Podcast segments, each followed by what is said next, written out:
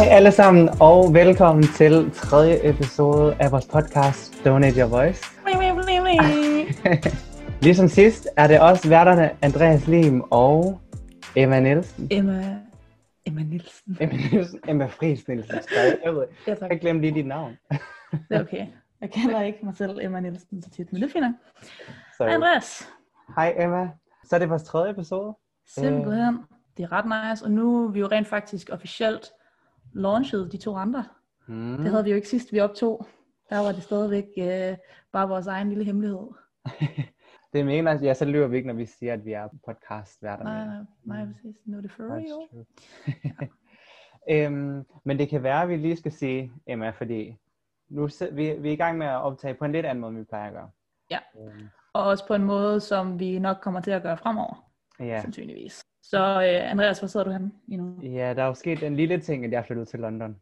Øhm, Nå ja, mindre detalje. Mindre detalje. Så det betyder, at nu gør vi det over Zoom. Øhm, Yes. Og nu føler jeg faktisk, at det gør os endnu mere til podcastværter, fordi nu fortalte du mig jo lige, det er jo sådan, alle de prof-mennesker gør. Ja, i hvert fald øh, alle dem, der bor i andre lande end i Danmark, tænker jeg. Jeg ved ikke, om Danmark er måske en af dem, der rent covid-wise går fint for, men øh, Mm. jeg hører en del amerikanske podcast, og de optager alle sammen over Zoom. Så Ja. does it make us pros? Maybe. Yeah. Men så kan vi jo også lige sige, fordi nu sidder vi over Zoom, og det er første gang, og vi har selvfølgelig alt vores fede, mega nice udstyr med os. Men Ja.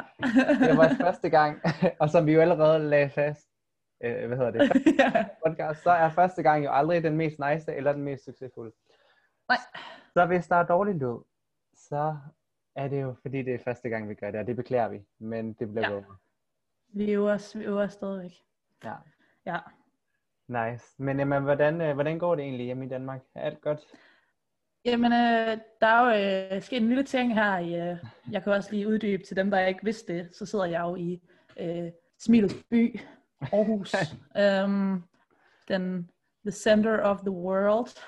Um, men også øh, lige nu måske centrum for øh, coronavirus i Danmark. Uh, vi har fået et lille ekstra outbreak herhjemme, um, som gør, at Aarhus er blevet sådan lidt en... Øh, det er lige pludselig blevet sådan Epicenter. der har det igen. Ja, lidt det, det nye epicenter måske herhjemme.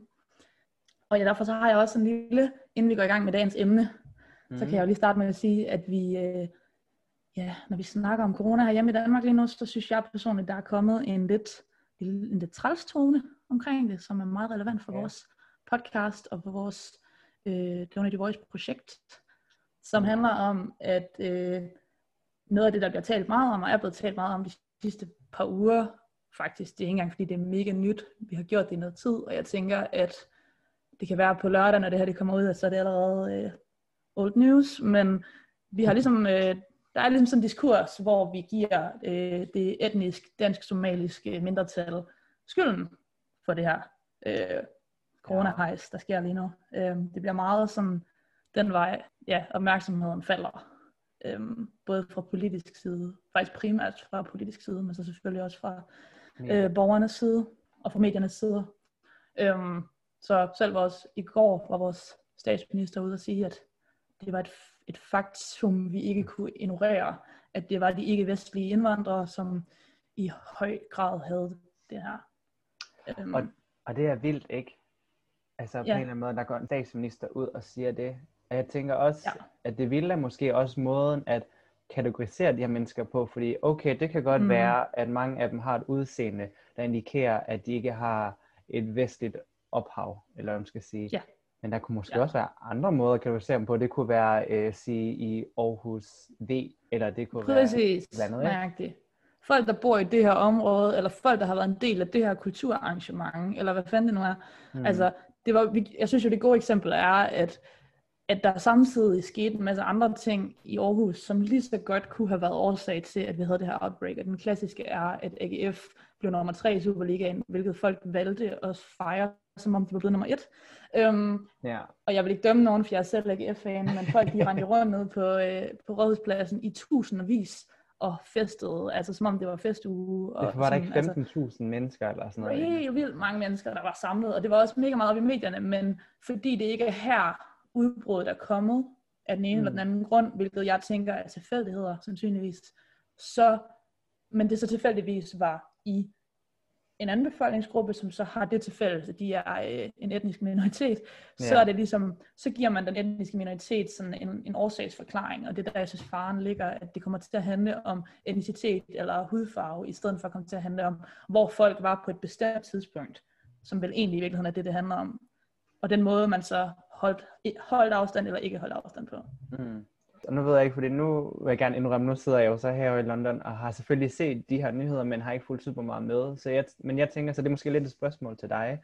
Fordi det, der så popper op i mit hoved, det er, at det, som jeg tænker vil være allermest relevant og interessant og vigtigt at snakke om, det er jo måske nærmere om, hvad der så skal gøres nu, hvordan løser man det, i frem for mm. at skulle pege på alle mulige mennesker. På hvem der var, sk- ja, hvem der var skyld i det.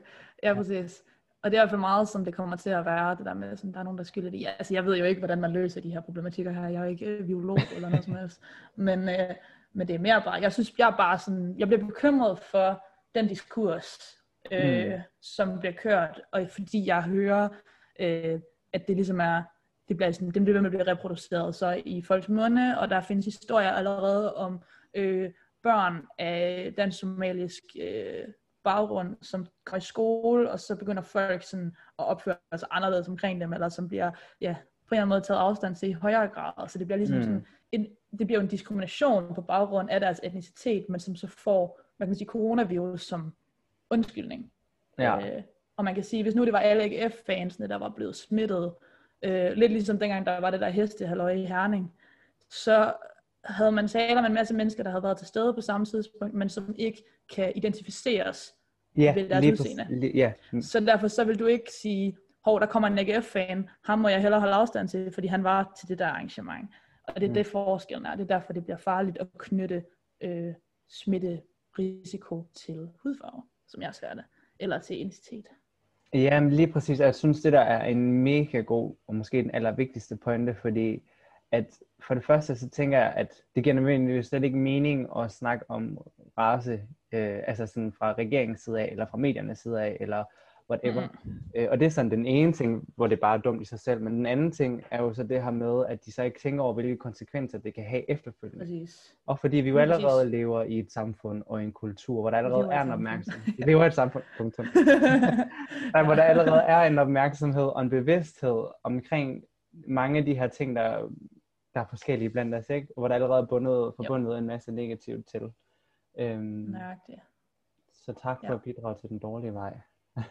Ja, lige præcis. Altså jeg føler, at man har et politisk, et politisk og et mediemæssigt ansvar for ikke at lade den historie gå ud over bestemte befolkningsgrupper, når man burde kunne tænke sig til, at det vil være det, der sker. Altså det mm. vil være sådan, det ender. Ja. Så det var bare lige en lille rant. Det er ikke fordi, det, det er slet ikke det, vi skal snakke om i dag. Det var bare lige, øh, det er lige det, der jeg tænker fylder i, hvis man bor i Aarhus lige nu, så mm. øh, er det i hvert fald en del af det, der fylder i, i snakken. Men mega nice at nævne det, og mega vigtigt, og håber selvfølgelig, at du er safe, Emma.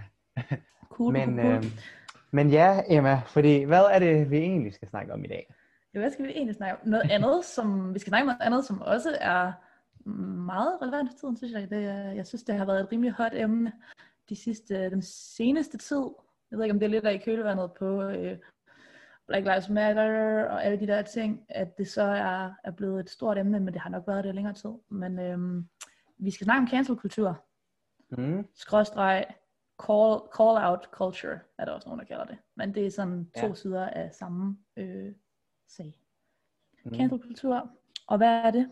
Egentlig? Ja, hvad er det? Jamen, øh, ja, jamen altså cancel-kultur, jeg har fundet en definition, fordi sådan er jeg jo. Ja, um, du er så god, Emma. Hvor der, står, hvor der står, at cancel-kultur, also known as call-out culture, um, beskriver en form for boykot, øh, hvor man ligesom øh, på en eller anden måde boykotter nogen fra sociale cirkler eller professionelle cirkler på baggrund af, øh, af et eller andet, de har gjort eller sagt.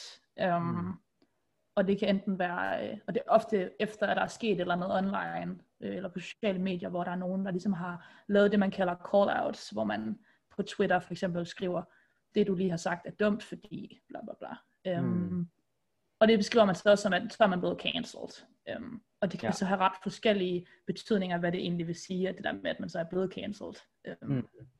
ja, som jeg det tænker, kan er ske noget, på forskellige måder. Lige præcis. Øhm, Ja. Men nice. Har, vi, har du nogle eksempler på det? Ja, altså der er jo hundredvis af eksempler på det her. Øhm, og det første eksempel, det tænker jeg, at du kender ret godt, fordi du har jo selv erklæret Oscar-ekspert. Men øh, der var øh, i øh, begyndelsen af 2019 sidste år, hvor der skulle have været, ja, 2019, sidste år 2019, der skulle der have været øh, Oscar-uddeling, eller det var jo Oscar-uddeling, mm. øhm, hvor at øh, Kevin Hart, som er komiker, amerikansk komiker, han skulle have været vært. Ja. Og så på et tidspunkt, så fandt man så ud af, at det skulle han ikke være alligevel. ja. øhm, men øh, baggrunden for, hvorfor han blev øh, aflyst, som jo så faktisk var en ret præcist var en, hvad kan man sige, at han blev cancelled, Mm. øh, det var, at han for mange år siden, 10 år siden, har haft en række af ekstremt homofobiske tweets. Øhm, og når jeg siger ekstremt homofobiske, så det er sådan noget, hvis jeg fik en søn, og han var homoseksuel, så ville jeg sm- smadre det ud af ham. -agtigt. Altså det er sådan mm. på det Mm. niveau. Meget ekstremt. ja. Øhm, men det er 10 år siden, og det er ligesom en del af, det har jo været en del af debatten, det der med, hvis folk har sagt noget for så mange år siden, der er problematisk, skal de så straffes for det i dag. Mm. ja. Så ja, Ja. det er det ene eksempel. Og, me- og mega godt eksempel. Øhm, ja. Jeg tænker, inden vi kan snakke om så kan det andet eksempel være, for eksempel, som med J.K. Rowling lige nu, eller Rowling, Ja. eller hvad hun hedder, som lige har, øh, hvad hedder det, som lige har udgivet Harry Potter, skulle jeg til at sige, som har, som, har som, som er forfatter til skrevet her. Potter. Ja. De kom ikke ud Folk har nok hørt om. Nej, Øh, det gør det ikke. Det var 90'erne eller sådan noget. Men som Ja. på det seneste har lavet rigtig, rigtig mange øh, hvad hedder det, transfobiske kommentarer og statements Mhm. og hvad hedder sådan noget, udtalelser. Ja. Øhm, hvilket også har skabt, hvad skal man sige, kæmpe diskussion, dialog op over Mhm. hele verden, fordi hendes bøger netop relaterer sig til så mange mennesker. Øh, Præcis. Ja, hun har 14 millioner følgere eller sådan noget på Twitter. Og det er mm, der, de fleste af hendes øh, sådan transformiske kommentarer har, har fundet sted. Ja, Ja. det er ret mange mennesker. Det er ret mange mennesker. Øh, man kan sige, at J.K. Rowling er, altså, jeg gider ikke at sidde og sige de ting, hun præcis hun har sagt. Altså, det er sådan, man kan google det. Ja. Ja. Nogle af dem er super, altså, det, det er meget af det er virkelig nederen. Men hun, Mm. Det, hun, det, der ligesom er med, med J.K. Rowling, er, at hun er det, man kalder en turf Mhm. øh, i online sprog. Og til dem, Ja. der ikke ved, hvad Hvad turf det? betyder, så ja, hvad fanden er det? Det står for, det er en forkortelse, det står for øh, trans-ekskluderende radikal feminist. Mm. Øhm, som egentlig bare er et fancy udtryk for, at hun er fem, meget sådan selverklæret feminist. Altså hvis Ja. man ved bare lidt om hende, så bruger hun enormt meget energi og rigtig mange af sine penge på projekter, der støtter kvinder. Øh, Mm. Og kvinder er udsat for overgreb. Og sådan, hun har sådan en hel, det er ligesom hendes agenda. Problemet i det, altså det er jo i sig selv er, en, er jo en fin ting. Problemet Mm. i det er bare, at, at det er transekskluderende i den forstand, at hun anerkender ikke, at transkvinder også er kvinder. Mm. Øhm, i det. Og det, det er ligesom hendes baggrund for at være at sige de ting, hun har sagt. Og jeg tænker, nu er der selvfølgelig mange elementer, jeg tænker, at vi skal selvfølgelig nok komme, komme rundt omkring, forhåbentlig mange af dem. Men jeg Ja. tænker også, det her med cancel-kultur, ikke ligesom med, hvad hedder det, J.K. Rowling og med Kevin Hart og sådan noget. Jeg tænker, grunden Mm. til, at det også er vigtigt at snakke om, og grunden til, at der er så mange, der har noget at sige om det, tænker jeg for eksempel et eksempel som J.K. Rowling, som jo har skrevet Harry Potter-bøgerne, Mm. ikke? som jo virkelig har været en escape for mange mennesker, som har Ja. haft det svært, som har kunne have den her fantasiverden øh, og følt sig tilpas i og flygte til, øh, hvor der Mm. også er mange, hvad skal man sige, mange alsidige personer med i. Øh, Ja. Så der er helt vildt mange mennesker, som har følt tryghed, og der er helt vildt mange, der føler, at det er en kæmpe stor del af deres barndom.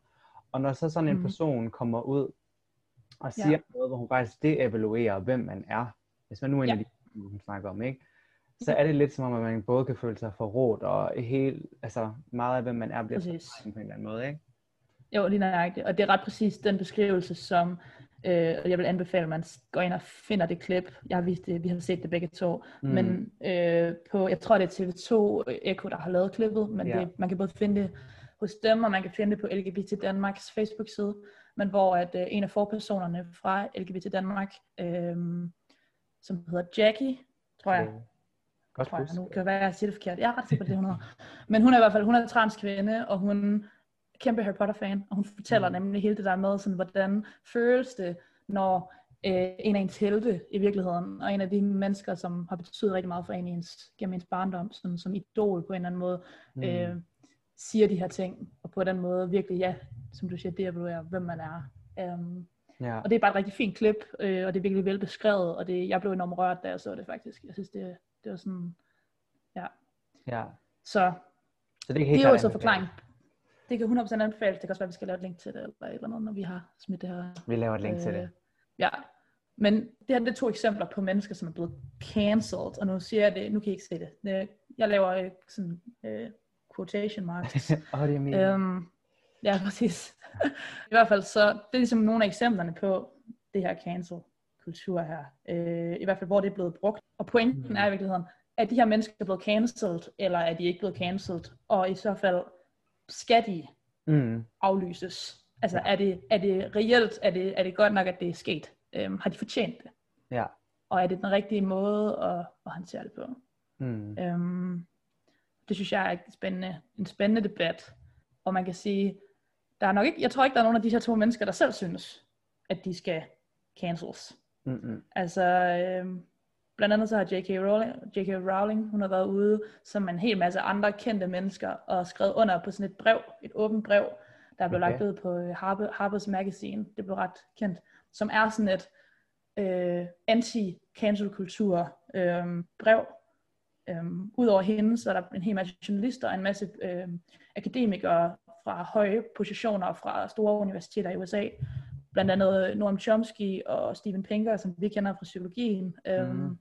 og, øh, men også en hel masse andre meget store øh, profiler, Ja. som har været ude og skrevet under på, at nu skal vi simpelthen holde op med det her cancel-kultur, fordi det er en, øh, det er en trussel imod ytringsfriheden, og det er, øh, hvad hedder det, det er en måde at, sådan, øh, at skabe det, de kalder ideologisk konformitet. Ah. Altså hvor, du ved, man kun må synes én ting, Mm. og hvis man synes noget andet end det, så bliver en stemme lukket ned, Ja. er deres, er deres argument. Ej, og, og, der, og, der, Og der sukker jeg også lidt, kan Ja. og det gør du også. Ja. og det gør jeg også. Og der vil sige, der kan jeg lige så godt sige og indrømme, at der bliver jeg simpelthen bare en lille smule sindssyg i mit ansigt. øhm, fordi for det første, så vil jeg sige, altså jeg elsker, elsker, elsker ytringsfriheden. Den er mega god, Mhm. den er mega vigtig. Øh, og jeg tror ikke, at der altså, er nogen af os, der sådan øh, kunne bidrage til det her cancelling af noget, eller nogen som helst øh, vil være imod ytringsfriheden. Øhm, Mhm. men det der med, at de siger, nu skal vi også stoppe, og nu skal manden også stoppe, og nu skal de også stoppe. Ja. Hvad med fucking at stoppe med at have en dårlig holdning om noget, som har med dig at gøre. Hvorfor skal, hvis du er en succesfuld forfatter, kvinde, der er blevet valideret så mange gange i dit liv, du har kæmpe succes, du er så cool, sej, Mhm. kendt, whatever. Hvorfor har du overhovedet behov for at gå ud og snakke om noget, der har 0% med dig at gøre? Hvis du ikke har noget Nej, godt at ja. sige, så luk. Øhm, det var det, det var det så det vrede, den vrede, øh, hvad kan man Ja. sige, mod øh. Fordi det er også min umiddelbare tanke, det er det der med, så kan du lade være med at være racist, eller så kan Ja. du lade være med at være homofob, eller du kan lade være med at være transfob, alle de der ting. mm, Den mere sådan, øhm, hvis man så skal vende tilbage til det med ytringsfriheden, så kan man sige, du har reelt, alle mennesker har ret til at, at mene det, de mener. mm, Det der er, det er, og der er så mange lag i det her, men det første, jeg vil sige er, har vi på noget tidspunkt fjernet J.K. Rowlings ytringsfrihed ved mm, at angribe hende på Twitter. Så i det sekund, J.K. Rowling hun går ud på Twitter og skriver, jeg synes ikke, at transkvinder er kvinder, og øh, jeg synes, vi skal passe på med at lukke transkvinder ind på kvindetoiletter, fordi så bliver det bare en åben dør for, at mænd også skal gå derind og forgribe sig på kvinder. Basically Mm. det, hun har sagt. ja, Hvilket er fucked up statement. Um, I det sekund, hun siger det, så kommer der en hel masse på Twitter, som siger tilbage til hende, at det synes vi er virkelig transfobisk, og du skal virkelig tænke over, hvad det er, du siger, og der er en masse mennesker, der kan blive såret over det her. Bla, bla, bla, bla. Dine, mm, dine ord er skadelige, eller kan være det. Er det, folk siger. Og så siger J.K. Rowling, I have been cancelled. Der er folk, der prøver at fjerne min ytringsfrihed. ja. Hvilket overhovedet ikke er det, der sker. Hun Hvilket, bliver bare called out. hvilket overhovedet ikke er ja, de ligger jo måske nærmere op til en dialogdiskussion, hvilket man netop gør, Præcis. når man laver et opslag på Twitter, så åbner man op for, at folk kan kommentere tilbage. Og hvis man beder de folk, som kommer med kritik af J.K. Rowling til at stoppe med at komme med kritik af hende, Så tager så man er det netop deres ytringsfrihed. Jamen, det, er sådan, det argumentet er bare sådan, det er sådan så cirkulært, at det giver ikke nogen mening. Altså, sådan, jeg synes Mm. virkelig, det er, et, det er dårlig argumentation. Um, Ja. ja. Og eksemplerne på, at alle de her mennesker, som føler, at de er blevet cancelled, reelt er blevet cancelled, Ja. er så få, fordi langt de fleste af gangene, så har de bare fået kritik. Mm. Men de er ikke vant til at få kritik, fordi de står i de her positioner. Jeg er ikke vant til at få kritik, og det er lidt sjovt, fordi nu har jeg har faktisk set rigtig mange interviews med, med J.K. Rowling, fordi udover at hun har øh, super nederen holdninger lige på det her punkt, vi snakker om, så er hun Ja. ja. faktisk en meget begavet kvinde på mange andre måder, og rigtig Helt sikkert. Øhm, Ja. I de her interviews, der snakker hun også rigtig meget om, øh, fordi hun har også fået meget kritik igennem hendes, hvad skal man sige, proces med Harry Potter-bøgerne, hun har skrevet, men hun har fået rigtig meget kritik for at være øh, en for stærk kvinde, hun har fået rigtig meget kritik for mange øh, religiøse øh, grupper, øh, fordi Ja. at det jo er magi og fantasiverden og alt sådan noget, som taler imod for eksempel mm. kristendommen. Øh, mange kristne har været rigtig hårde ved hende, ikke? Så hun har ligesom selv været igennem den her mølle af at blive deevalueret og blive øh, set ned på og trykket ned. Mm-hmm. Og så er det bare virkelig interessant, at hun ja. så lige får lyst til at gøre det samme på en gruppe, som er endnu mindre og måske udadtil eller i offentligheden endnu øh, hvad hedder det, sværere end hun er. Altså, Præcis. Det, og det, det er derfor, det kan være så svært at, at forstå, at det kommer fra en kvinde som hende. Ikke? Fordi mm, altså personligt, jeg har været kæmpe, kæmpe Harry Potter-fan hele mit liv, og er det stadigvæk. Jeg synes, det er fantastiske bøger ja. og fantastiske film. Men, men det er øh, et slag på en eller anden måde at se en kvinde som hende, som på mange måder kunne have været en virkelig, virkelig stor, kunne være en virkelig god rollemodel. Og Ja. måske også på mange måder er det bare om nogle andre ting, men så har hun bare et for, i mine ører i hvert fald en enorm fejl her. Altså en, en, et sted, hvor hun Mm. fejler. Ja. ja, præcis. Og fordi nu kan, nu kan det godt lyde lidt som om, øh, nu det og det her det gælder ikke kun hendes eksempel, men alles, jeg.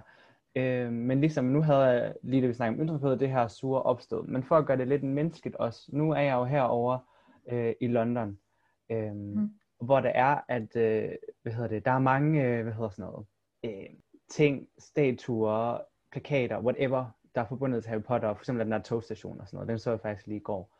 Øhm, og det er jo ikke fordi, at efter jeg hørte det her med J.K. Rowling, bare tænkte, nu synes jeg ikke, hun skal være her længere, hun fortjener ikke leve, vi skal slet alt, hun nogensinde har lavet. Det er jo ikke det, jeg tænker. Men for eksempel, så var jeg hen og se den der indkøbsvogn helt ind i muren. Og hvor det var, før i tiden kunne det måske godt være, at jeg havde taget et billede med den.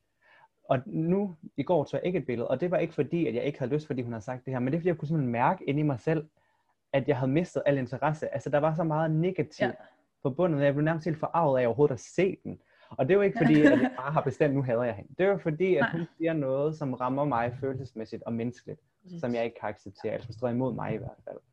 Øhm, Og jeg tror faktisk, og det kan være, det er sådan, at det en overgang til, til det, et andet begreb, som jeg synes, man kan relatere til øh, begrebet cancel-kultur.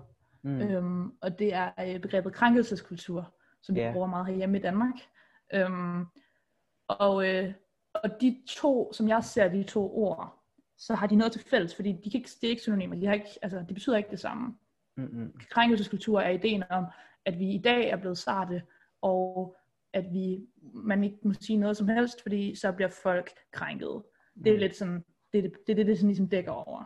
Og ligesom begrebet cancelkultur, så begge de her to begreber ord, der bliver brugt af folk, som netop føler, at folk er for sarte, og som Mm. føler, at, at det er blevet sværere og sværere at sige noget, uden at man ikke kan, altså uden at træde nogen over tæerne. Ja, Øhm, og det bliver brugt som sådan en forsvar, når folk kommer og siger, kommer med kritik. Så for eksempel, jeg kommer, vi har haft sagerne herhjemme i Danmark, med sådan noget med, hvad for nogle sange er der i højskolesangbogen, eller sådan nogle, som, som kan være som for nogen bagateller, og det gider jeg ikke at kommentere på, hvad jeg synes om det, men, men ideen om, at, at der er nogen, der siger, hov, det her, der sker lige nu, det føler jeg mig øh, ramt over på en eller anden måde mm, så kan man som menneske reagere på den kritik på to måder. Eller hvis jeg nu for eksempel klædte mig ud som øh, indianer til fastelavn, for eksempel, Mm. ikke? Så man også, det er også et eksempel, hvor der er nogen, der kommer og siger, det er måske lidt stødende at gøre. Så kan jeg reagere på to måder. Jeg kan sige, det kan jeg godt se, og det er spændende, det skal jeg måske sætte mig ind i. Hvorfor er det, at det kan være stødende, at jeg klæder mig ud på den her måde? Men en anden måde at reagere på kan også være at sige, åh, folk bliver da også bare, folk er da også bare så sarte, og de bliver også bare så lidt krænkede, og Ja. det er også bare den her krænkelseskultur.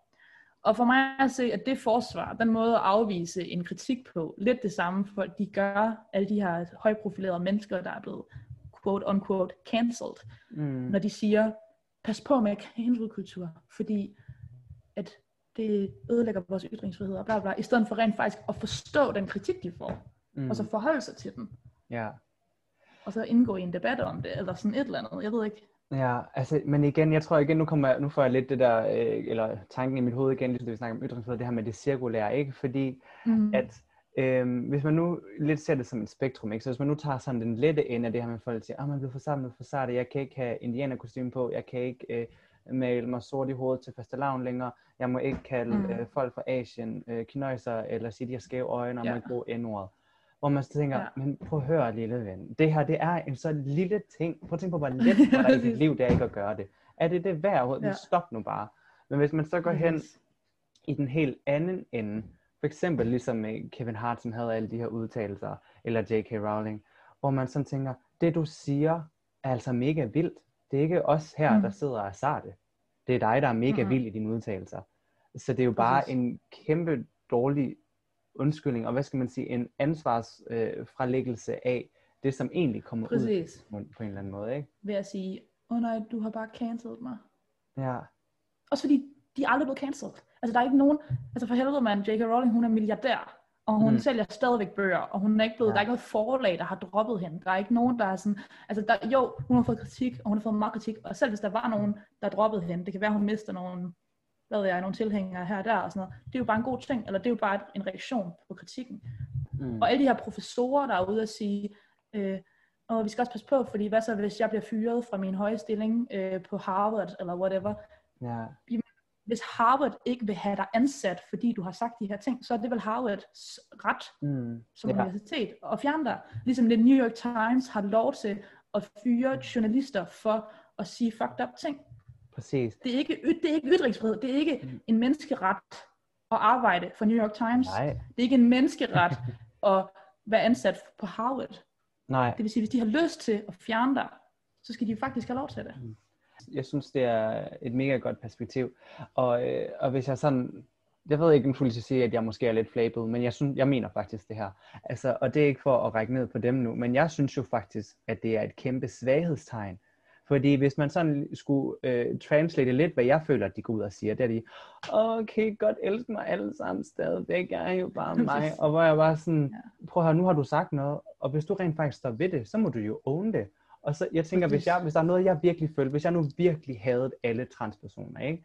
og mm. jeg gik ud og sagde det offentligt, så, eller til mine venner, så alle de venner, der ikke længere ville være venner med mig, hvis jeg virkelig stod ved min holdning, så ville jeg jo have det fint med det, fordi jeg må da være stolt af, hvem jeg er og own mig selv. Men det gør de ikke. De whiner Nej, men det er også fordi, de ikke mener, at de har sagt noget, som er forkert, eller som man kan synes er forkert. Eller jeg ved det ikke. Men, men det er en mm. mær- jeg synes, det er en mærkelig, øh, det er en mærkelig reaktion, fordi jeg synes jo, alternativet er netop, som du siger, at man under det og siger, at det er et sted, vi er uenige, og så vil vi have diskussionen, eller vi kan prøve at diskutere, hvorfor er det, at jeg mm. synes, det er okay, at jeg siger det her, og hvorfor er det, du synes, det ikke er okay, og så kan man debattere det frem og tilbage. Mm. Det er mm. det, der sker på Twitter, det er det, der kan ske i andre, altså hvis man skriver for et, øh, for et eller andet, en eller anden avis, eller laver debatindlæg, så skal man have den diskussion frem og tilbage. Men hvis du bare går ud og siger, don't cancel me, Altså, ja. fuck er det? Altså, det svarer sig til, at der, du er oppe og skændes med nogen på, øh, på legepladsen, og så det er til din mor, ikke? Altså, det er sådan, jeg ved ja. ikke, jeg synes, det er, det, er en, det er nemlig en, et eller andet sted en sådan, en mm. tøse, tøsedrengsagtig måde at gøre det på, ikke? Hvor det sådan, tager nu sammen og own it. Ikke at der er noget vejen med at være en tøsedreng. Jeg skulle, det skulle jeg lige til at sige. ja, præcis. Jeg kunne, ja, men øh, det står... På. Ja. Ja, ja. Øhm, men så tænk, og så tænker jeg lidt, fordi nu, det virker til, selvom vi har forskellige perspektiver, os to selvfølgelig, ja, vi er, er på en eller anden måde er enige. Men jeg mm-hmm. tænkte på lidt interessant det her med det, som du nævnte i forhold til krænkelses, kaldte du krænkelseskultur. Øhm, mm-hmm. Synes du, Emma, er der nogle områder, hvor vi er blevet for sarte? altså, det er det da sikkert. Øhm, eller jeg synes da i hvert fald, at jeg tror, jeg, det eneste sted, jeg har et problem, hvis jeg skal sige det, og det er egentlig, at jeg synes ikke, jeg synes i bund og grund, vi skal lytte hver gang, der er nogen, der kommer ud og siger, at det her, det, det er jeg stødt over, eller det her, det synes jeg er problematisk. Så synes jeg altid, man skal lytte. Mm. Altså, jeg synes, at det er, det er mega fair, i stedet for bare sådan at, at afvise det og sige, og der er nu vi også blevet for det. Synes jeg aldrig er en god løsning. Jeg synes altid, du skal lytte til, hvad folk siger, især hvis det omhandler dem selv og deres personlige identitet på en eller anden måde. Um, ja. Det eneste sted, jeg har set problemer. Noget af det, jeg, altså for det første, så har jeg et eksempel, hvor jeg simpelthen ikke kan forstå det. Ja. Og det var det der med, der var det med lyskrydsene, lysreguleringerne herhjemme. Åh, som er rød mand, rød mand stå og rød mand, nej det er ikke rød, grøn mand gå, ja. hvor der var nogen, der gerne ville have, øh, at der var kvinder repræsenteret, og sikkert også øh, andre køn. Og det eneste, jeg kunne tænke, det er, hvorfor er det, at vi tænker, at en person, fordi bare fordi personen har bukser på, så må det være en mand. Hmm. Altså, Ja. det der med sådan, jeg synes ikke, der, jeg synes, de er meget kønsneutrale i mit hoved, de der lyskryds. Jeg kan ikke se, hvorfor at Ja. vi synes, der er et problem med dem. Nå, det var det egentlig. Og den anden ting, det var, at jeg tror, når sådan nogle sager kommer op, så Mm. bliver jeg bange for, at det fjerner fokus fra vigtigere ting. Ja, Så hvis det der det for eksempel skal kaldes en kønsdebat, og jeg tænker især, at det er en kønsdebat på sådan et binært øh, niveau, hvor det er en mand-kvinde kønsdebat, så tror jeg, at det tit er sådan noget, folk de hiver frem som eksempler på, at nu er vi da gået for vidt, og hvorfor skal vi tale om kønsligestilling i Danmark? hmm. Så det bliver i virkeligheden noget, man kan bruge imod det, der egentlig er vigtigt, eller det, den debat, man egentlig gerne vil have på en eller anden måde. Jeg synes, det er der, det bliver farligt, hvis det bliver sådan bagatelliseret på den måde. Omvendt så vil jeg ikke være den, der dømmer, om noget er en bagatel eller. Jeg synes, det er væsentligt at lytte til de mennesker, der rent faktisk synes, det er et problem, Mm. mm. og så høre, hvad er deres, øh, hvad er deres erfaringer eller deres oplevelser med det egentlig. Hvad tænker du? Øhm, åh, jamen, jeg, jamen, jeg synes også, øh, jeg synes, det er svært, faktisk. Ja. Altså, øhm, Det er svært. fordi nu er jeg også typen, der rigtig godt kan lide at joke. Mm-hmm. Og jeg kan også godt lide at lave rigtig mange jokes for mig selv. Ja. Øhm, så selvfølgelig synes jeg også, det var ærgerligt, hvis man aldrig kan sige noget, som er ironisk eller sarkastisk. Mm-hmm. Men jeg Klart. synes faktisk heller ikke, at det er der, vi er. Altså, altså når folk, når der kommer forskellige samfundsdebattører og går ud og siger, at vi er blevet for sarte, så føler jeg Mm. lidt, at det de siger, det er, at ja, okay, dude, nu kan du ikke få lov til at stå og råbe øh, pick og patter på scenen længere, men Ja. du er heller ikke sjov, når du råber pick og patter på scenen. Altså sådan, Nej. det er sådan, det er det, vi siger, du ikke må. Vi siger ikke, du ikke må alt det andet. Altså, øhm, og hvor jeg tænker, at øhm, det er jo ikke fordi, at man forhindrer folk i at sige, hvad de mener. Det er måske også Nej, lige så meget præcis. forhindre dem i også, hvordan de siger det. Fordi hvis jeg nu synes, at du har været lidt træls en dag, eller, eller noget, så jeg siger, åh, din luder. Mm. Så, så man kan sige, at den følelse har jeg i mig selv, at jeg har lyst til at fortælle dig, at du lige har gjort noget dårligt. Den, den er jo selvfølgelig okay. Men der er sproget ja. så fantastisk, der kan jeg jo så finde en anden måde. Du behøver ikke bruge ordet luder, fordi det er rigtig offensive på mange måder. ja. Øh, og fordi du både er en kvinde, og fordi det er meget negativt om, ja, omkring alt muligt, ikke? Så man kan jo stadig, man kan altid finde en måde at sige det på. Præcis. Og Øh. det, sproget er jo øh, det smukke ved det er netop, som du siger, der er altid flere ord, vi kan altid tilpasse os. Vi er jo ikke statiske mennesker, så hvorfor skal man ikke, kunne man ikke bare sige, okay, det her ord her, det sletter jeg lige fra min, og nu, hvis man tager sådan noget som n-ordet for eksempel, så tænker mm. jeg, at Mm. det, det er et eksempel på, hvor at man bare seriøst bare skal slette det ord fra sit sådan vocabulary, og så bare sige, det kender jeg ikke længere. Og der er en Ja. række andre ord, jeg egentlig tænker, man skal gøre det samme med. Øhm, og det kan godt være, at det tager en lille smule tid, før det, det lykkes 100% for en, men det kan man jo så øve sig i. Altså igen, ja. Mm. Men jeg synes, noget af det, det kan bringe mig videre til, som jeg synes, vi skal diskutere i forhold til det her, det er øhm, muligheden for øh, forbedring, eller plads til Ja. forbedring. Ikke? Altså, så Ja. hvis du har sådan nogen som J.K. Rowling eller Kevin Hart, som siger noget, eller gør noget, nu har vi kun brugt de to eksempler, der findes så mange andre eksempler, ja. men, men som har, på et eller andet tidspunkt har sagt noget dumt, måske også gentagende gange, har ment noget dumt. Mm. Hvad er så, hvornår skal vi give dem en second chance? Hvornår får de lov til at komme ind i varmen igen? Mm. Og får de det?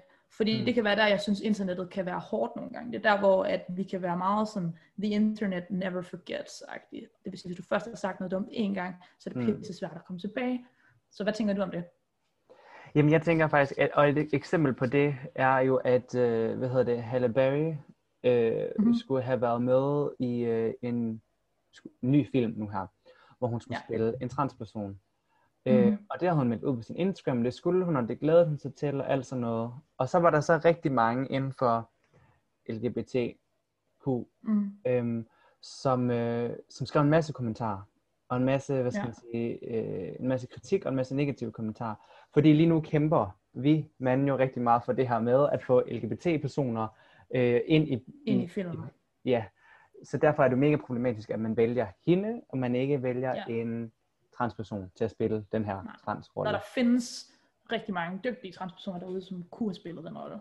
Lige præcis, lige præcis. Klart. Men hun valgte nemlig så også, og så efter det her, at sige nej til rollen, og så lavede hun så et Mhm. nyt opslag, hvor det var, hun skrev ud, at nu havde hun sagt nej til rollen, og hun var rigtig glad for, at folk havde fortalt hende alt det, de havde fortalt hende, fordi så havde hun lært noget, og, og man kan selvfølgelig sige, at hun er en kendt person, var hun oprigtig, bla bla bla, men det er måske også lige meget for den Ja. her pointe, fordi pointen var jo, at hun ændrede sig, og så gjorde det rigtigt, det er, hvad man skal sige, ikke? Lige præcis. Øh, så Ja. ja. selvfølgelig skal man da have lov til at kunne blive bedre. Præcis. Så hvis nu sådan J.K. Rowling for eksempel, hun kommer ud og siger, jeg er blevet klogere. Mm. Jeg har, nu har jeg sat mig ind i det her. Nu har jeg snakket med, jeg har samtaler med transpersoner. Jeg har læst øh, ud, ting, de har skrevet. Jeg har lyttet til hele debatten og alle argumenterne. Og jeg kan se nu, at det jeg sagde, hvorfor det jeg sagde, var skadeligt for Mm. dem. Hvorfor det øh, kan være ødelæggende for dem. I forhold Mm. til, hvordan andre mennesker ser på dem. Og, og, og det kan være sårende for den måde, de øh, skal høre, altså, høre mig tale om dem på. Ja. Øhm, og det er jeg ked af. Og, bla, bla, bla. og nu vil jeg jo øh, gøre mit bedste for, udover kun at være øh, øh, advokerende for kvinderettigheder, sådan Mm. uden transkvinder, også inddrage øh, Mm. transkvinders øh, kamp i min øh, feministiske øh, kamp, Mm. sådan så den ikke er transekskluderende. Øhm, Ja. Hvis hun gjorde det, Mm. så ville jeg personligt tænke, fuck hvor nice. Jeg ville også kræve at se hende udføre det. Altså på en eller anden måde. Kræve, at det ikke bare var tomme ord, og så gik der et par uger, og så øh, hørte man hende sige noget dumt igen, eller så hørte man hende øh, alligevel vende tilbage til noget af det, som var træls. Men, men jeg synes, hvis vi ikke giver folk plads til at forbedre sig, giver dem second chances, så er det, vi laver, donate your voice, Lige præcis. ligegyldigt. Så Ja. er alt form for, øh, hvad kan man sige, ja, det er jo ligegyldigt, og så kan Mm. mm. vi droppe og prøve at, øh, at gøre Ja. folk klogere, fordi hvis vi ikke engang giver dem lov til at blive klogere. Ja. Og det er Jamen, der, jeg synes, internettet kan være et hårdt sted og et brutalt sted. Mm. Jeg, jeg sad nemlig også lige og tænkte på det, fordi hvis vi nu begge to Ja. svarer nej til, at man, man kan ikke blive bedre, det er ikke okay. Ja, præcis. Øh, det bare- okay, så det bare så podcastet slutter nu. Øh, Præcis. ja, så vi kan sige, at vi er enige om det her med, at ja, selvfølgelig skal man kunne lov til at vende rundt og blive klogere og undskylde. Mm. Men jeg synes faktisk, det er lidt klart, men nu kommer jeg lige til at tænke på et øh, kristen citat fra Bibelen. Øh, I know, sorry. Det er jo meget det, vi snakker om lige nu. Det er jo øh, tilgivelse, ikke? Jo, fordi hvor det er, der nemlig står det her med, at det er mennesket, der fejler, men det er guddommeligt at tilgive. Mm-hmm. Øh, fordi når jeg så hører det, så tænker jeg jo først, og så betyder det, at mennesker ikke kan tilgive. Men min pointe er mere det her med, at ja, det er mennesker, der fejler, så det kan vi alle sammen gøre, men det er guddommeligt at tilgive. Jeg tænker ikke, fordi vi skal være guder for at tilgive, men tænker, det er, fordi det er lidt sværere, og det kræver lidt mere. Det er pisse svært. Øhm, fordi jeg tænker også på det her med, ja, du kan godt få tilgivelse, men så er jeg sådan, men hvor lang tid skal det tage, og hvor, og hvor meget skal du gøre for at få det? Øh, fordi Præcis. at når hun nu har sagt alt det her, og haft den her lange debat, kan hun så bare komme ud i morgen og sige, nu har jeg ændret mig. Ja, og vil folk så tro på det, og vil folk så, hvor nemt vil det være? Men det synes jeg er vildt interessant. Og jeg kan huske et andet eksempel, vi snakkede om på et tidspunkt. Øh, du kom med et eksempel på et tidspunkt, som var det der med øhm, amerikanske politikere, som engang har haft et, et, et standpunkt, som for eksempel var anti-LGBT, eller som mm. var racistisk, eller som var anti-kvinder, eller et eller andet, og som så nu kommer ud her i 2020, hvor det er moderne og smart at være, Mm. øh, at være pro alle de her ting, og være øh, progressiv, så kommer og siger, hey, hey, hey, øh, jeg vil også gerne have de unge stemmer, Mm. og så derfor så er jeg også nu pro øh, homoseksuelle skal giftes, og jeg er også pro øh, abort, og jeg er også pro transpersoner, og bla bla. Ja. Øhm, hvordan, det der med sådan, når amerikanske politikere kommer for sent til Ja. the Ja. show, ikke? Altså det er lidt sådan, vi, det, Mm. det kan føles. Der kan man godt sidde med sådan en følelse af, du gør det kun, fordi du vil være inde i Ja. varmen, eller du vil, Ja. du vil have den støtte fra nogle bestemte mennesker tilbage, Mm. eller et eller andet. Ja, præcis, fordi jeg tænker, et eksempel på det, hvor jeg synes, der mangler noget, det er nemlig for eksempel Obama. Øh, Mm. Fordi Obama, han var imod, øh, hvad hedder det, homoseksuelle ægteskaber, inden han blev præsident. Da mm. han så var op imod, øh, var det Mitt Romney? Ja. Det var det første, ja. øh, som jo er mega, mega konservativ, øh, og slet ikke er inden for homoægteskaber, så var han lige pludselig rigtig meget inden for homo. Ja, ja, ja. Og hvor man så kan sige, at det er okay, under Obama-regeringen, så blev det faktisk lovligt i USA at blive gift. Øh, ja. Så man kan selvfølgelig sige, at han, han agtede rent faktisk på det, men jeg synes, at det der mangler, Mm. det er, hvor var interviewet bagefter med ham? hvor der var nogen, der konfronterede ham med.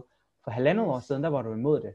Nu Ja. har du lige fået det indført som en lov i USA. Hvad er der sket? Ja, Hvad er der sket derimellem? præcis. Hvad er det, du er gået igennem? Ja. Ja. Øhm, Jeg synes, jeg synes, det er spændende, fordi det er det der med, som man kan sidde med en følelse af, at folk ja, gør det for, især politikere, ikke? at de gør det for, øh, for votes. Omvendt, så kan man sige, de politikere, så længe de er det rigtige sted og gør de rigtige ting rent politisk, så må vi jo også stemme på dem. Ikke? Men mm, et andet eksempel er lige nu, hvis det skal blive super aktuelt, er øh, den, øh, ud, den hende, som øh, hvad hedder det, Joe Biden har udpeget som vicepræsident. Ja, Øh. Hvis han bliver valgt ind, øh, hvad hedder hun, Kamala Harris? Ja. Hun, øhm, hun har tidligere i sin øh, politiske karriere også været anti, altså transpersoner har haft nogle dårlige holdninger der, har haft nogle, og det er der jo også nogen, der går ud og peger på, hvor man kan sige, jeg ved ikke, hvor hun står nu, rent politisk, så det vil jeg ikke sætte mig ind i, eller det, det vil jeg gerne sætte mig ind i, men det vil jeg ikke udtale mig om.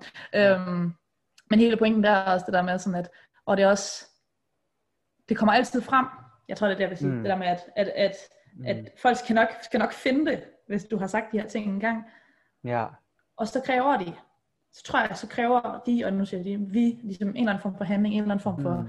for tegn på, at, at man har, er blevet Men det- bedre. Man Men det er sig. nemlig det, fordi i, i lige forbindelse med det her, så tænker jeg nemlig også der med, skal man altid call them out? Mhm. Fordi hvis vi starter med J.K. Rowling, ikke? hvis man sidder og læser Harry Potter op for en, der er 8 år, så behøver man måske ikke lige fortælle den der 8-årige, at hun er også transform. øhm, hvis man nu, ligesom nu her i, i, den, i det amerikanske præsidentvalg med hende her, øh, hvad hedder det, som er den første sorte kvinde, som er medrunner, øhm, Ja. ja. og alternativet er Trump, og Ja, ja, præcis. han har Ja, præcis. Lige præcis. at det hjælper jo ikke noget i lige det her tilfælde, at så begynde at nævne, hvor dårlig eller hun engang Præcis. har været. Selvfølgelig skal hun konfronteres med det, men det kan man... Men det skal man gøre, når hun er kommet ind. Ja, lige præcis. Ikke? altså, det er nok min holdning til det lige præcis det her konkrete eksempel. Ikke? At Ja. vi vil så gerne have, at Donald Trump ikke bliver valgt, så kan vi ikke vente Ja. med at finde øh, dem- demokraternes skeletter frem, før de er blevet valgt ind, bare fordi vi Præcis. ved, at de stadig vi ikke vil være bedre. det. Ja.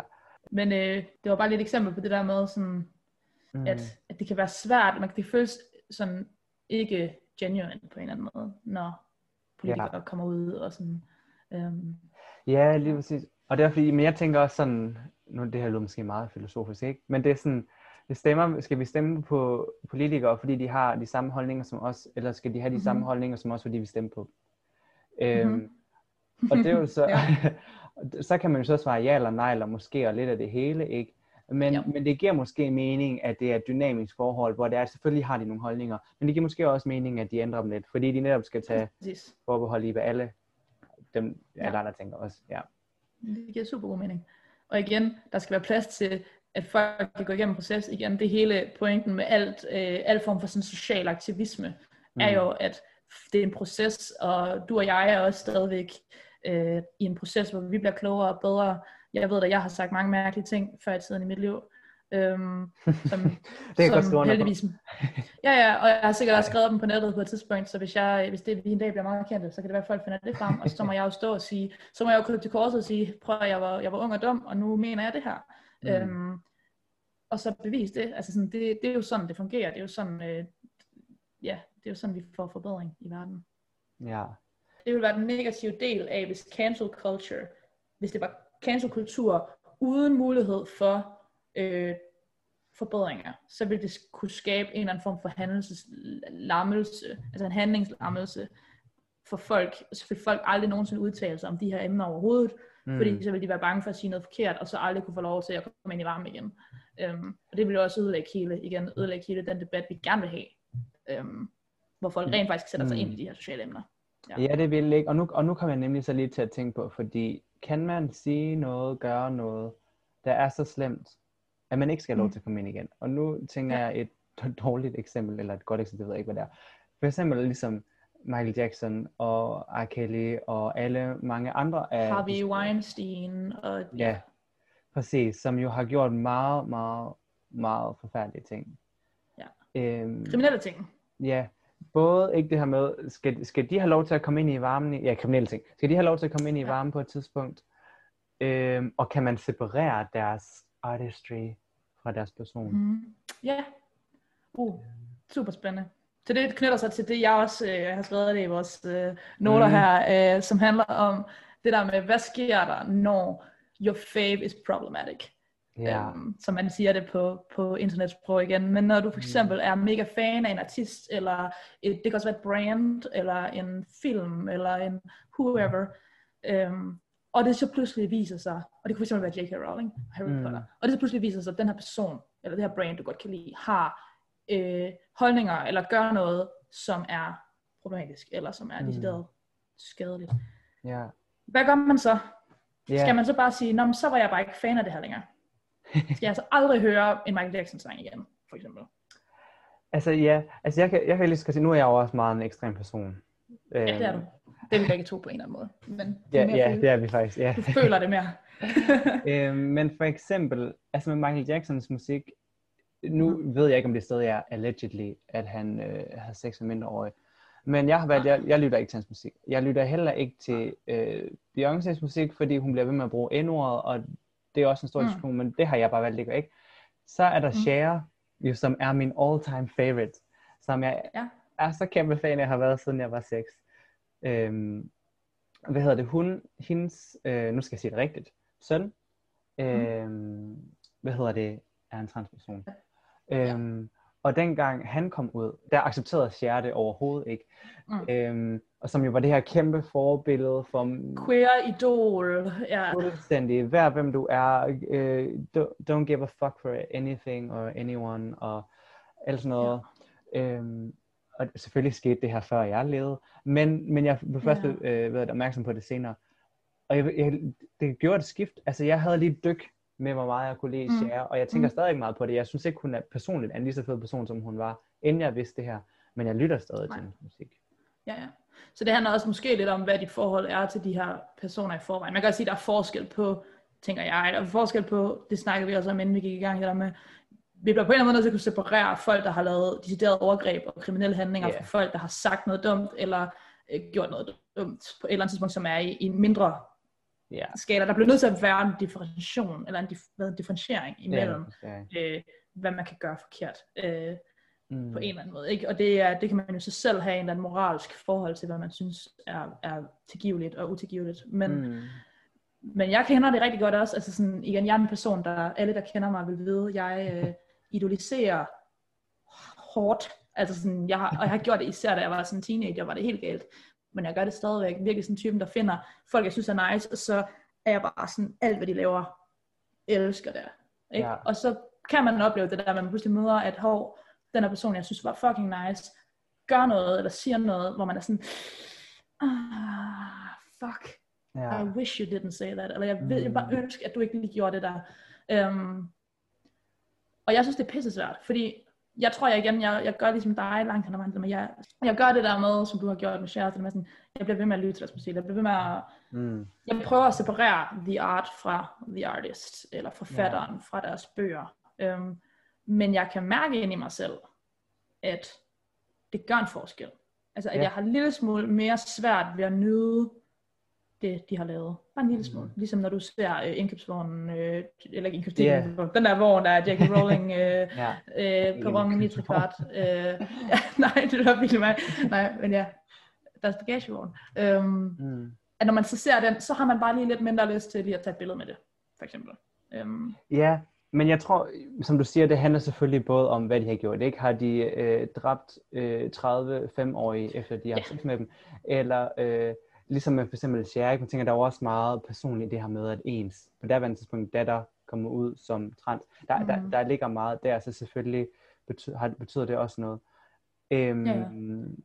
og hvis nu Cher, hun så viser senere, at hun er blevet, eller at sådan, det var hårdt, og det var en proces, men nu står jeg her. Eller sådan, mm. at der er en eller anden personlig progression, eller et eller andet, så hjælper det også på, for mig i hvert fald, om jeg ligesom kan, ja. kan lide det her. Jeg, jeg, jeg tror, det der betyder meget for mig, når det er at lave den her afvejning, det er meget om, var det et menneskeligt øjeblik, eller var det et meget velovervejet, velgennemtænkt øjeblik?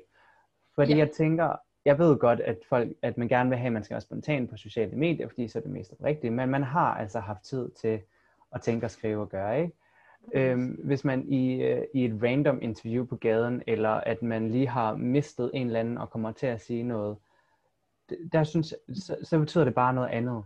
Og jeg tænker, fordi for mig, hvis det er et menneskeligt øjeblik, hvis det kommer af, at man har været presset, eller ens følelser allerede har været højt op at køre. Altså vi kender det jo alle sammen, ikke? Det kan være, at vi lige har fået at vide, at vi fik 0,2 i går, så ser vi en reklame med børn fra Afrika, så giver man fucking ikke give 100 kroner væk, fordi jeg har lige fået 0,2. Ja. Det betyder jo ikke, at det er den holdning, man har. Men det gør det jo så, hvis man sidder på en god dag, og ser den samme reklame, og siger fuck børn i Afrika. Ja, ja. Så er det ikke okay. Ja. Og det andet, det der med udtalelser, hvad man siger for eksempel, kan jo også bare være, altså, jeg tænker mig ikke om. Mm. Altså sådan, jeg kan i hvert fald skrive under på, jeg tænker mig ikke om, for jeg taler af ting. Altså sådan, hvis man er mm. typen, der snakker meget og hurtigt, og bla, bla, bla, så kan man bare hurtigt komme til at sige skøre ting. Men så er vi igen tilbage til det der med sådan, okay, hvis folk så konfronterer dig med det, hvis folk så siger, for eksempel på Twitter, siger, jeg er provokeret over, at du gjorde det på den her måde, eller du sagde det på den her måde, eller jeg synes, du skal bla, bla, bla. på en eller anden måde laver et call out, mm. en kritik, så igen, det handler for mig så meget om, hvordan man reagerer i det moment, for så har du muligheden for netop at lære, blive klogere, eller du har muligheden for at sige, hov, det var også fordi, jeg bare togede rundt, og jeg sagde noget dumt, og det er jeg virkelig ked af, det var ikke det, jeg mente. Ja. Lav en undskyldning, whatever it is. Eller du har muligheden for at bare sådan dismisse kritikken, og så sige, ej, hvor er det bare nederen, at vi skal leve i sådan en tid, hvor man bare ikke må sige noget som helst.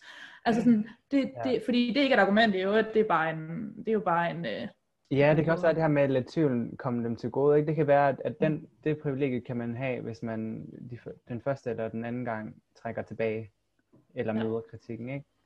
Præcis. Men jeg synes også, okay, men en, en ting er, en anden perspektiv, jeg lige har på det, og det kan være, det måske er, vi er på vej mod enden, men mm. det er det der med, at, at hvis vi skal lave call-outs på nettet for eksempel, eller in, real life, når du snakker med en person, og du har lyst, du, du synes, de siger noget dumt, og du vil gerne rette dem, du vil gerne kritisere dem, du vil gerne have dem til at forbedre sig. Mm. Så, og det er ikke fordi det her, det skal ikke være sådan en form for øh, tone, det der hedder tone policing, det skal ikke være sådan en måde, sådan en om, og du skal opføre dig ordentligt, og du skal også kritisere folk på en pæn måde, og bla bla bla, fordi det ved jeg, det også kan være, det er noget, det bruger man meget imod minoriteter generelt, når de brokker sig eller er sure. Men min pointe er, at hvis folk laver small fuck-ups, mm. hvis hmm. folk laver de her små fuck-ups, hvor de siger noget, der er dumt, eller man kan mærke, at de har ikke tænkt sig om, eller de var ikke klar over, at det var på den her måde, så kan det være en fordelagtigt, hvis du reelt gerne vil lave forandring hos de mennesker, og lave det, som nogen vil kalde call-ins, altså en måde, hvor du ja. på en eller anden måde tager dem ind i samtalen, i stedet for at udskamme dem. Mm. Så sørg for at åbne en samtale op, og så sørg for, at det er en samtale, hvor de har mulighed for at lære noget, i stedet for at det er en samtale, hvor de bare skal føle sig ramt og skyldt. Fordi det er der, forsvarspositionen går ind, og det er der, hvor du møder, øh, og du bliver også bare krænket, øh, argumentet. Ja, ja. Omvendt, hvis det er en person, som har mega meget magt, hvis det er en politiker, hvis det er folk, der er højtstående. Øh, mm. Jeg synes også med sådan noget som J.K. Rowling, som man ved, burde vide bedre, mm. øh, professorer, øh, fra universiteter, whatever, så synes jeg, det er okay at lave de lidt mere aggressive call-outs, fordi at det er en måde, det er sådan, du bliver hørt. De mm. lytter ikke til dig, hvis ikke det er, fordi du råber af dem. Det er det samme med demonstrationer og sådan noget, ikke? Altså, der er en grund til, at det er sådan, man gør det på, når man gerne vil høre nogen, der har magt, eller have nogen, der har magt til at høre dig på. Ja. Så bliver du nødt til at have de lidt mere øh, mm. aggressive briller på. Ja, enig, enig, enig. Godt sagt og godt nuanceret. Og det er jo netop der pointen, ikke? søster.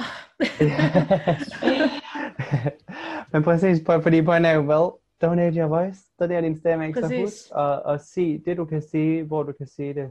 Øh, mm. Den måde, du kan sige det, ikke? Altså, det, ja. så kan man ikke bede om mere. Præcis. Mm. Og det er 100% det, det er, uh, call out culture. Mm. Det er jo i virkeligheden bare folk, der prøver at donere deres stemme. Og så, man kan jo sige i relation til det, Øhm, hvis man nu synes, at vi har sagt noget, som man ikke synes, vi skal sige, så call us out. Call us out. Øh, I må rigtig, rigtig, rigtig gerne skrive en kommentar eller en besked ind på Instagram, eller på vores mm. hjemmeside, donateyourvoice.dk, og så hvis man lige siger slash podcast, eller bare gå ind på fanen podcast, så kan man også øh, sende en mail, en besked til os direkte derinde. Ja. ja, vi vil gerne høre det, hvis folk synes, vi er dumme høre på, eller hvis I synes, der er noget, vi har fanget helt forkert. Ja. Så øh, kom med os. Rigtig gerne. Vi er gode til at tage imod kritik. ja, og vi begynder bare at skrive i sådan en åben brev. ja, præcis. det her cancel kultur har bare taget overhånd. øhm, ja. Jeg må gerne kritisere, så man bliver bare blokeret på Instagram. Sådan der. Ja, præcis. Ja, præcis. Don't at me. Ja. Um, ja. Nej. Cool, cool, cool. Mm. Er vi uh, i hus? Jeg, jeg, jeg ved godt, jeg har snakket meget den her gang igen. Jeg havde, jeg havde mange følelser omkring det her emne her. Altså, ja, det, det tror jeg ikke, at du snakkede meget. Jeg synes, du snakkede helt perfekt. Det var nice, det var interessant. Tak. Tak, fordi du lige uh, jerker mig lidt. Um, det kan jeg godt lide. Det er min fritidsinteresse. jeg ved det godt.